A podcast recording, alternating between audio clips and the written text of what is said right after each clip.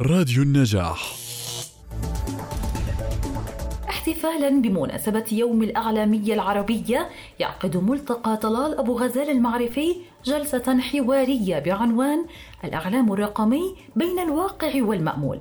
يتحدث فيها الإعلامية سمر سوابته مقدمة أخبار ومعدة برامج في إذاعة راية أف أم فلسطين. الإعلامية نجاح مسلم صحفية وعضو في منظمة توست ماسترز العالمية فلسطين. الإعلامية هيا الدعجة مقدمة أخبار في قناة رؤية الإخبارية. وباحثة في التراث الأردني. يدير الحوار الأستاذ فادي داوود المدير التنفيذي لملتقى طلال أبو غزال المعرفي.